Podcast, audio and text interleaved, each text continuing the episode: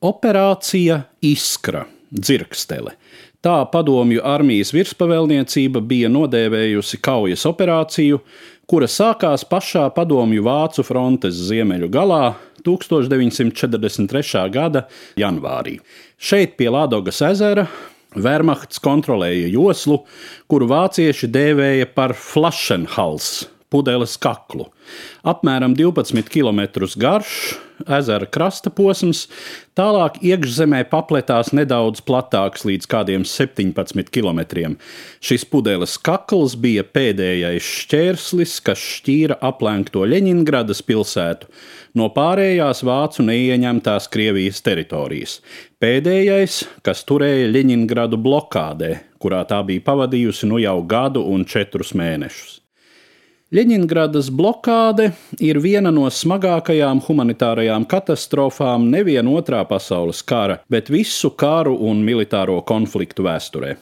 Pilsētā, kur pirms kara sākuma dzīvoja apmēram 4 miljoni cilvēku, aplenkuma pārraušanas brīdī bija atlikuši vairs tikai kādi 800 tūkstoši, pie kam gandrīz puse no tiem bija Ļeņingradas frontes karavīri, no kuriem daudzi pirms kara dzīvojuši citur. Kopējais upuru skaits joprojām paliek nenoskaidrots. Nīrnbergas starptautiskajā tribunālā figurējis skaitlis 632 tūkstoši bojā gājušo civiliedzīvotāju. Citas aplēses svārstās no 400 tūkstošiem līdz pat miljonam. Lielā mērā arī tāpēc, ka daudzi blokādi pārcietušie mira vēlāk, jau evakuēti no pilsētas, bet drausmīgajos apstākļos neglābjami novārguši un nomocījušies. No aviācijas bombardēšanas un artērijas apšaudēm bojā gāja tikai kādi 3% bloķētajā pilsētā. Visi pārējie mira badanāvē vai nosala blokādes pirmajā un otrajā ziemā, kuras starp citu arī bija padevušās augstākas nekā parasti. Blokādei droši vien nebūtu tik katastrofālu seku, ja Wehrmachts jau pirmajos kara mēnešos Padomju Savienībā negūtu necerētus panākumus. Jau mēnesi pēc operācijas Barbarosa sākuma vācu armiju grupa Ziemeļi bija 100 km no pilsētas. Augusta beigās Somi pietuvojās Ļeņingradai no ziemeļiem.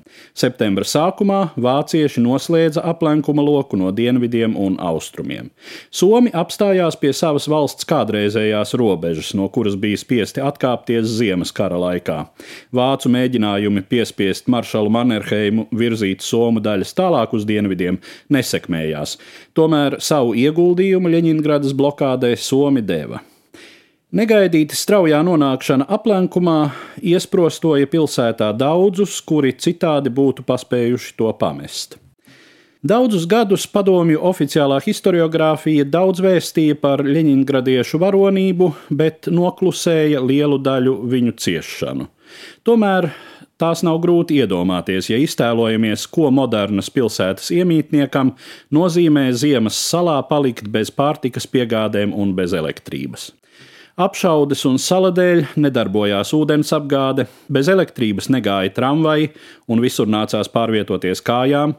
Ja dzīvoklis atradās vienā, bet darba vieta otrā pilsētas galā, tad ceļš līdz darbam un atpakaļ vien jau prasīja daudz spēku, kur nu vēl pati strādāšana. Rūpnīcas strādnieks saņēma 250 gramus maizes dienā, kalpotājs 125 gramus, tāpat bērni un pensionāri. Pie tam maizes kvalitāte bija briesmīga. Uzplauka melnais tirgus, kurā maizi varēja dabūt. Par briljanta gredzenu esot devuši vienu kilogramu. 1943. gada 18. janvārī pusdesmitos no rīta Ļeņingradas un Volhovas frontu vienības sastapās strādnieku ciemata numur viens nomalē, pudeles kakls bija nolausts, Ļeņingradas blokāde pārrauta. Stāstīja Eduards Liniņš.